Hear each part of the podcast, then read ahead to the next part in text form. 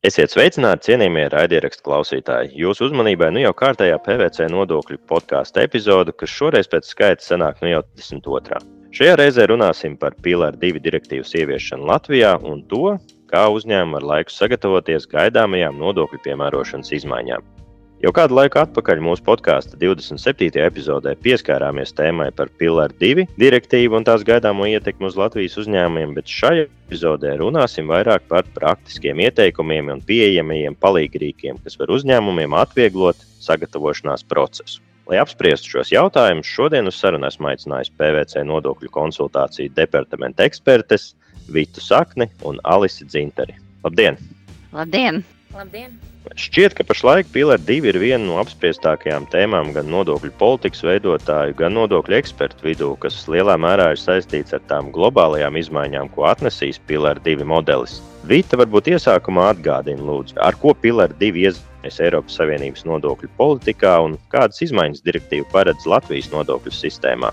Šobrīd mēs runājam vairāk par Eiropas Savienības direktīvu, kas paredz dalību valstīm ieviest minimālo efektīvo nodokli 15% apmērā. Un gadījumā, ja valsts nacionālā sistēma nesasniedz šo robežu šķirtni, tad uh, uzņēmējiem ir pienākums samaksāt papildu uzņēmuma ienākumu nodokli.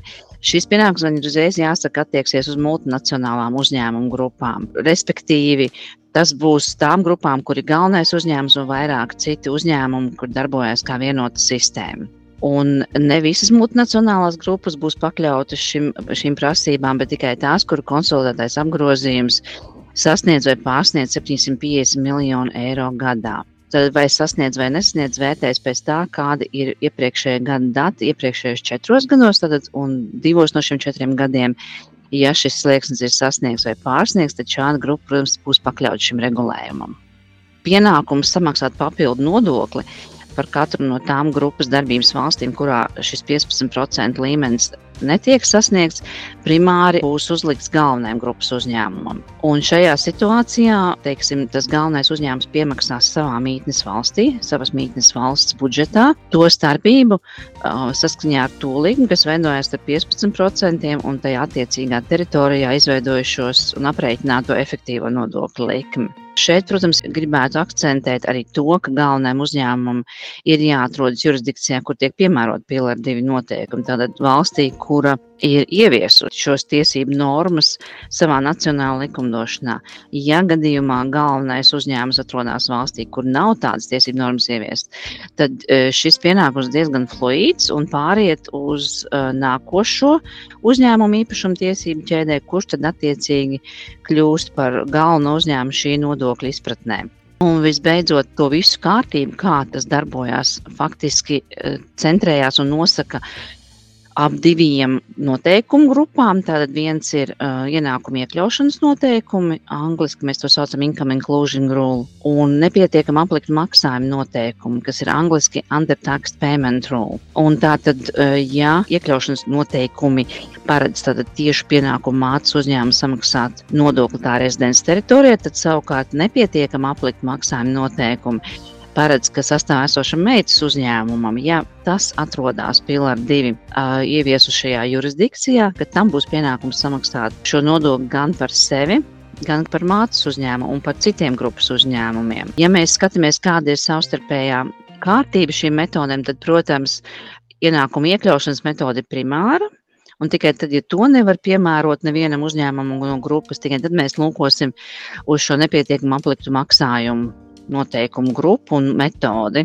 Svarīgi ir atzīmēt arī to, ka direktīva pieļauj ieviest nacionālā līmeņa virsnodokli, ko Latvija arī plāno ieviest, un tas ir viens no piedāvātajiem pilāra divu noteikumu variantiem.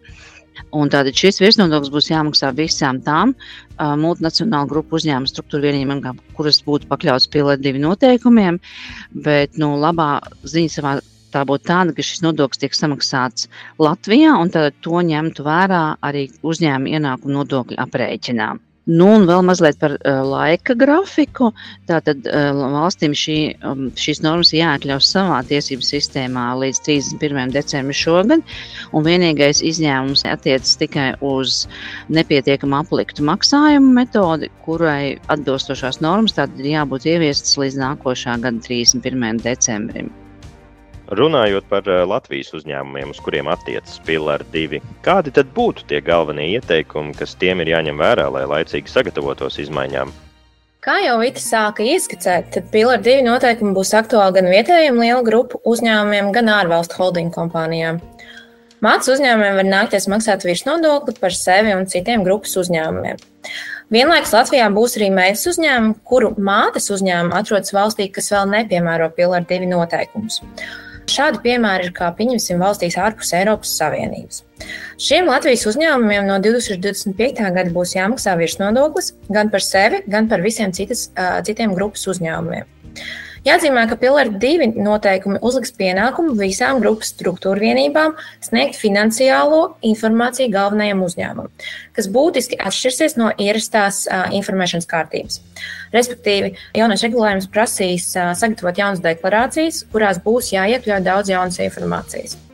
Vienlaikus jāuzsver, ka pati virsnodokļu nomaksāšana prasīs kārtīgu un laicīgi sagatavotu nodokļu grāmatvedību. Jo pirms maksāšanas uzņēmumam būs jāveic atbilstoša nodokļu aprēķināšana, ko var iedalīt vairākos posmos. Sākot ar pirmo posmu, kas paredzētu, ka uzņēmumam vajadzēs noteikt grupā ietilpstošās vienības, uz kurām attieksies šie pilari divi noteikumi. Un jānosaka katrā valstī esošā uzņēmuma vai uzņēmuma kopēja ienākuma vai zaudējuma. Tam sekos katras grupā ietilpstošās vienības atzīto sekto nodokļu aprēķināšanu. Ņemot vērā jebkādas specifiskas korekcijas un dalot visu uzņēmumu korģēto sekto nodokļu summu ar atbilstošo ienākumu summu katrā valstī. Tā mēs iegūsim šīs valsts efektīvo nodokļu likmi, kas ir jāsalīdzina ar 15% minimālo nodokļu likmi. No kā izrietēs šī virsnodokļu likme? Piemēram, Ja efektīvā nodokļa likme ir 12%, tad virsnodokļa likme attiecīgi būs 3%. Papildus tam, pirms virsnodokļa likmes piemērošanas no apliekamā ienākuma tiks veikti tā sauktie uz ekonomisko būtību balstītie atskaitījumi. 8% apmērā par pamatlīdzekļiem un 10% apmērā par cilvēku resursu atlīdzību, kas turpmākajos gados turpinās samazināties līdz 5% par katru no šīm kategorijām. Un visbeidzot, apliekamo ienākumu jāreizina ar virsnodokļa likmi. Gribu arī atzīmēt, ka paredzamajam nodoklim tiks veidots īpašs grāmatvedības konts. Viss iepriekš minētais process norāda uz nepieciešamību laikus apzināt pilāra divu noteikumu ietekmi uz uh, savu uzņēmumu, lai pielāgotu pašreizējās grāmatvedības sistēmas un nepieciešamības gadījumā izskatītu iespēju ieviest jaunas datu apstrādes metodas. Jāatzīst, ka noteikumu sarežģītība padara manuālus aprēķinus laikietilpīgus un palielina cilvēku kļūdu iespējamību. Šajā situācijā tālāk var nākt dažādi tehnoloģiskie risinājumi, tā skaitā programmas un rīki, kas viennozīmīgi atvieglos komplicētu datu apstrādes procesu. Alisa pieminēja šos tehnoloģiskos risinājumus, ka tie var palīdzēt uzņēmumiem sagatavoties eh, šai pilāra divu piemērošanai. Kādi rīki ir pieejami un kur tos, kur tos var meklēt? Gribētu varbūt mazliet uh, iepazīstināt vispirms ar to rīku, kas vairāk piedāvā informatīvu apskatu par to, kādiem noteikumiem ir pakļauti. Teiksim, visu valstu uzņēmumu. Un tad pirmais rīks, kas varētu palīdzēt, ir Pillar to Country Tracker. Tas ir bezmaksas rīks, kas ir pieejams ikvienam interesantam, kurš apmeklē Pricewaterhouse Coopers mājaslapu. Un tāda tā galvenā funkcija Šim rīkam ir atspoguļot aktuālā informācija par Pilāra divu tiesību normu ieviešanas procesu visās 140 pasaules valstīs. Jo šī ir ne tikai Eiropas Savienības iniciatīva, šī ir arī iniciatīva, kur ļoti stingri atbalsta ekonomiskās sadarbības un attīstības organizācija. Un tātad šajā Pillar to Country Tracker vizuāli var ļoti ātri pārliecināties par to, kāds ir Pillar 2 ieviešanas progress katrā valstī, kas jūs interesē. Ja? Tad uzklikšanot uz konkrētu valsts kartē, var saņemt īsu apkopot informāciju par pēdējām izmaiņām Pilāra 2 ieviešanas procesā. Ja savukārt ir jau skaidrs, ka Pilāra 2 būs aktuāls un piemērojams jūsu uzņēmumu grupai, tad es teiktu, ka varētu raudzīties pēc programmas, kas varētu novērtēt agrīno pilāra ietekmi un apkopot uzņēmumu datus par pēdējiem pieciem gadiem.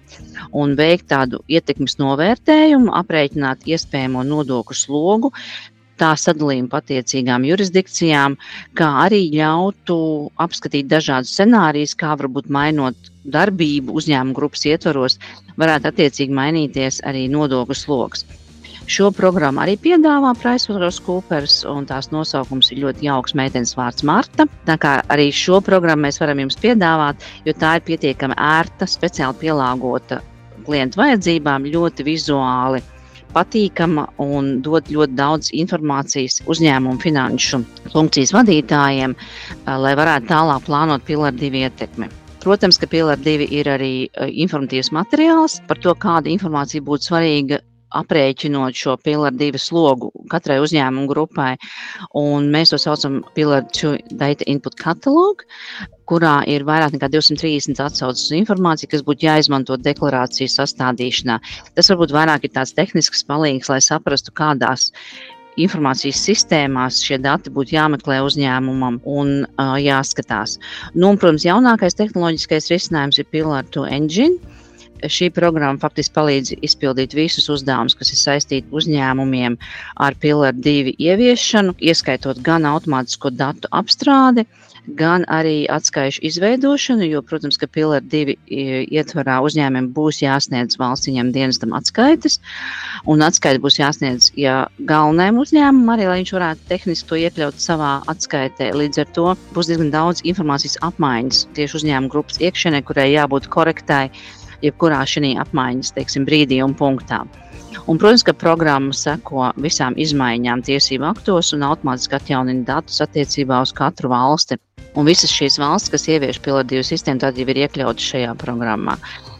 Ja gadījumā vispār jūs šis pilāra divi tēma ir ieinteresējusi un ir vēlme uzzināt vairāk, kā tas darbosies un kā ir iecerēts Pilāra 2 ietekme, tad es noteikti varētu aicināt jūs apskatīties mūsu PricewaterhouseCoopers Academy mājaslapu, jo šajā mājaslapā ir iekļauts video ieraksts.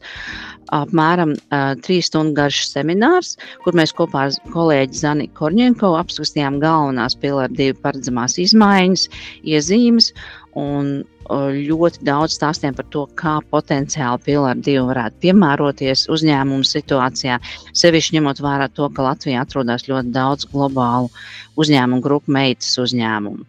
Un webināra video ieraksts, protams, ir pieejams mājaslapā. Arī, ja ir kurš cits jautājums, es domāju, ka ir vērts sākt šo pilotu divu sarunu ar jūsu nodokļu konsultantiem. Un, protams, kā arī mēs esam gatavi sniegt jums palīdzību. Vēl varbūt, ko es gribētu uzsvērt, ir neatstāt pilāru divi izmaiņas uz pēdējo brīdi, un tam ir jāpievērš uzmanība jau šobrīd, jo faktiski ir ļoti svarīgi uzņēmumam saprast, kādi dati būs vajadzīgi un attiecīgi arī izstrādāt atbilstošu datu apstrādes stratēģiju. Tā kā, tas varbūt būtu mans tāds neliels apskats par tiem rīkiem, kas jau šobrīd ir pieejami un ko, ko mēs varam piedāvāt jums izmantošanai no Presos Coopers. Paldies, Vita, ka ieskicēji šos pieejamos rīkus. Tie tiešām šķiet eh, daudz un noderīgi. Un arī man, kā nespeciālistam šajā jomā, šķiet, ka prasības, kuras paredzēs Pilāra 2, tiešām ir apjomīgas. Un jebkurš rīks lieti eh, noderēs mūsu klausītājiem. Vita un Alis, paldies jums par šo sarunu! Atkārtošu vēlreiz, ka šajā epizodē pārnātais, manuprāt, sniedz noderīgu informāciju par sagatavošanos Pilāra 2 direktīvas prasību piemērošanai lai uzņēmumi varētu sagaidīt jaunās izmaiņas ar krietni mazāku devu satraukumu. Mans vārds ir Kalvis Gavars, un šodien par Pilāra 2 direktīvas ieviešanu Latvijā un to, kā uzņēmumiem laikus sagatavot gaidāmajām izmaiņām, sarunājos ar PVC Latvijas nodokļu departamenta ekspertēm Vitu Sakni un Alisi Dzinteri.